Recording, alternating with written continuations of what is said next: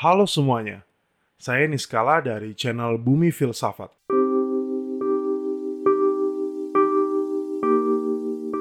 Kamu saat ini sedang mendengar podcast yang akan membahas berbagai tema seputar filsafat. Podcast ini akan tayang setiap minggunya. Semoga lah ya. Kamu juga bisa mendownload buku dan transkrip podcast ini di link di deskripsi. Dicek ya. Oke, kalau gitu selamat mendengar.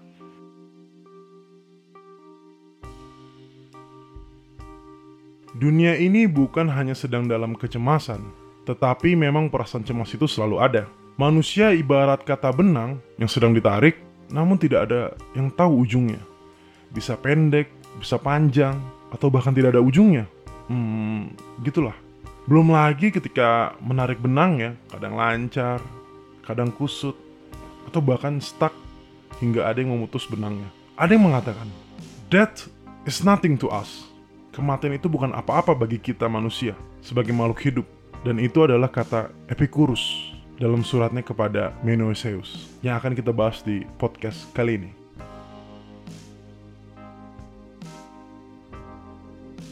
Mungkin sedikit tambahan dari Milan Kundera dalam bukunya Immortality yang terbit pada tahun 1991, ia menulis, keabadian itu merupakan sesuatu yang biasa, kecuali bagi manusia. Semua makhluk itu abadi, karena mereka tidak tahu kematian, ignorance of death. Sedangkan manusia sadar bahwa ia mortal, makhluk hidup, dan menuju kepada kematian.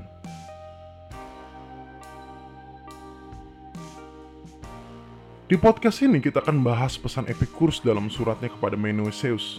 Sedikit biografi dari Epicurus, karena lengkapnya akan ada di segmen sejarah episode E, Epicurus dalam filsafat Helenistik. Ia merupakan seorang filsuf yang lahir pada tahun 342 sebelum Masehi. Kota kelahirannya tidak bisa diverifikasi antara di Samos atau di Attika. Tetapi ia tumbuh di Samos dan mulai belajar filsafat pada umur 14 tahun. Lalu 4 tahun kemudian ketika Alexander mati, ia pergi ke Athena. Ia seorang pengikut filsafat Demokritus yang belajar melalui Nausiphanes, gurunya yang ia sering sindir sebagai si kerang. Pada umurnya ke-31, ia mendirikan sekolahnya yang pertama. Oh, tapi tidak ada yang kedua sih. Pertama ia dirikan di Mytilene, kemudian di Lamsakus, dan sejak tahun 307 sebelum Masehi hingga ia meninggal pada tahun 270 sebelum Masehi, sekolahnya menetap di Athena. Sekolahnya bertempat di sebuah taman miliknya. Jadi Epicurus punya rumah. Rumahnya itu ada taman. Sekolahnya itu ada di tamannya. Berbeda dengan filsuf lain yang mendirikan sekolah di area publik, Epicurus itu mendirikannya di area privat. Di taman itu disimbolkan sebagai tempat yang tenang, jauh dari kota, dekat dengan sungai Eridanus, dan sangat menyenangkan. Kesenangan atau kenikmatan itu sebagai simbol dari filsafat Epikurean. Makanan dan minuman mereka para pengikut Epicurus terutama adalah roti dan air. Mereka itu sangat sederhana sejalan dengan filosofinya tentang kenikmatan. Ia pernah berkata, Tubuhku merasakan kenikmatan ketika aku hidup hanya dengan roti dan air dan kunistakan pelbagai kenikmatan yang serba mewah. Bukan karena kenikmatan itu sendiri, tetapi karena ketidaknyamanan yang diakibatkannya.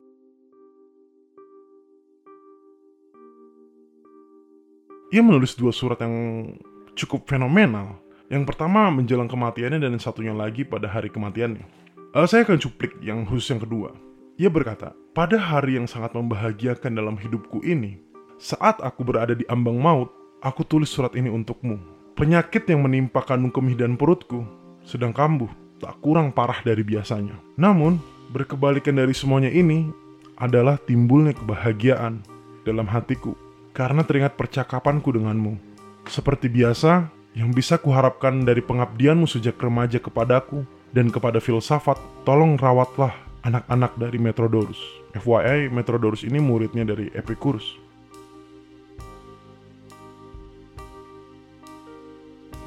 Oke, kita mulai surat Epicurus kepada Menoseus yang cukup menggetarkan jiwa dan pikiran.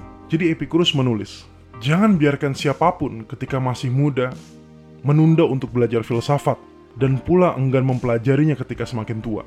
Karena tidak ada kata terlalu cepat atau terlambat bagi seseorang untuk melindungi kesehatan jiwanya. Dan bagi seseorang yang mengatakan bahwa belum saatnya atau sudah lewat masanya untuk belajar filsafat, sama saja seperti orang mengatakan bahwa belum saatnya atau sudah lewatnya masanya untuk bahagia.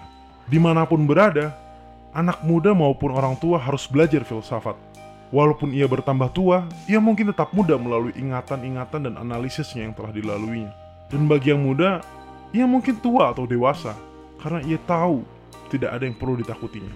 Kita harus meditasi, merenungkan, mempertimbangkan pada sesuatu yang membuat kita bahagia, dan melihatnya sebagai hal yang kita miliki sepenuhnya.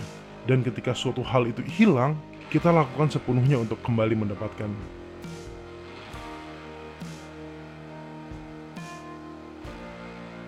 Hal-hal yang saya ajarkan tanpa hentinya kepadamu, ajaran ini dan praktik ini, anggap hal-hal itu sebagai prinsip pertama dalam hidup yang bahagia. Pertama, percayalah bahwa God, Tuhan atau Dewa itu immortal, abadi, dan ia maha.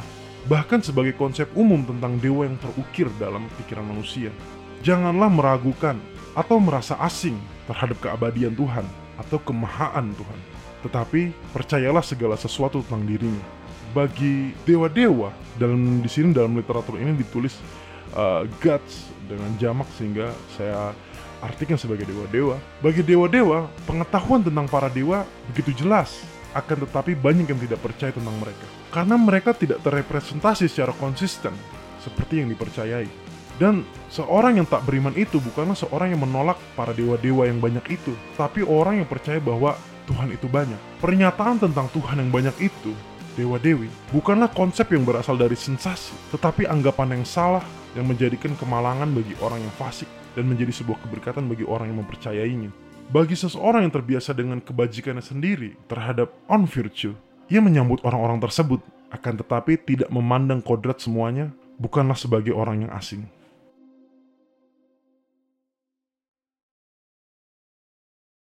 Terbiasa dengan keyakinan bahwa kematian bukanlah apa-apa bagi kita, karena semua yang baik atau buruk hanyalah berupa sensasi.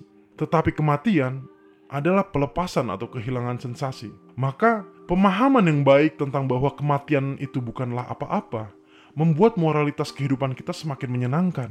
Bukan karena kita setelah mati memiliki kehidupan yang tidak terbatas, tetapi karena menghilangkan keinginan kita atau kehausan kita akan hidup yang abadi. Tidak ada yang lebih mengerikan dalam kehidupan bagi seseorang yang berpendapat bahwa tidak ada yang mengerikan jika kita tidak hidup. Seorang tersebut berkata, ia takut mati bukan karena akan menyakitkan ketika datangnya kematian.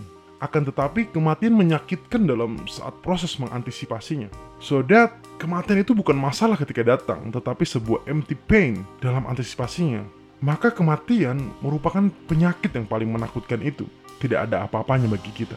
Karena ketika kematian datang, kita sudah tidak eksis atau tidak ada, sehingga tidak terpengaruh bagi yang hidup maupun yang mati. Bagi yang hidup, kematian itu tidak ada. Bagi yang mati, ia tidak merasakan apa-apa lagi. Kita tidak punya sensasi untuk merasakan rasa sakit itu.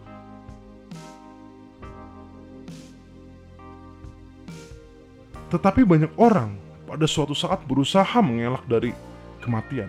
Dianggapnya kematian itu sebagai kejahatan yang paling besar di lain pihak, orang yang sangat merindukan kematian menganggapnya sebagai sebuah kelegaan dari kejahatan-kejahatan yang ada di dunia ini.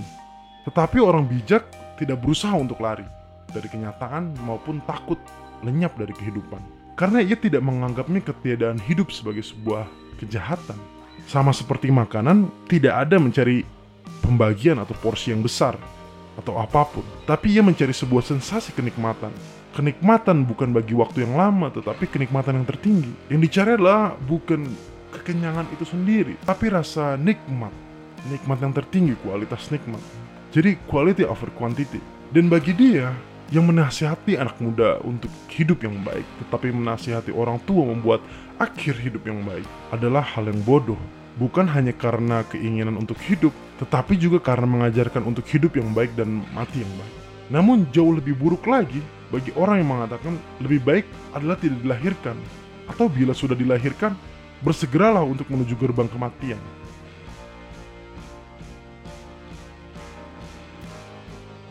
Buat orang yang mengatakan ini, mengapa kamu tidak melakukannya dalam konteks mati tersebut? Ini sangat terbuka baginya untuk melakukannya dalam konteks mati tersebut. Bila memang dia bersikeras terhadap pemikirannya. Tetapi bila ia bercanda, kata-katanya merupakan omong kosong di antara orang-orang yang tidak dapat menerimanya.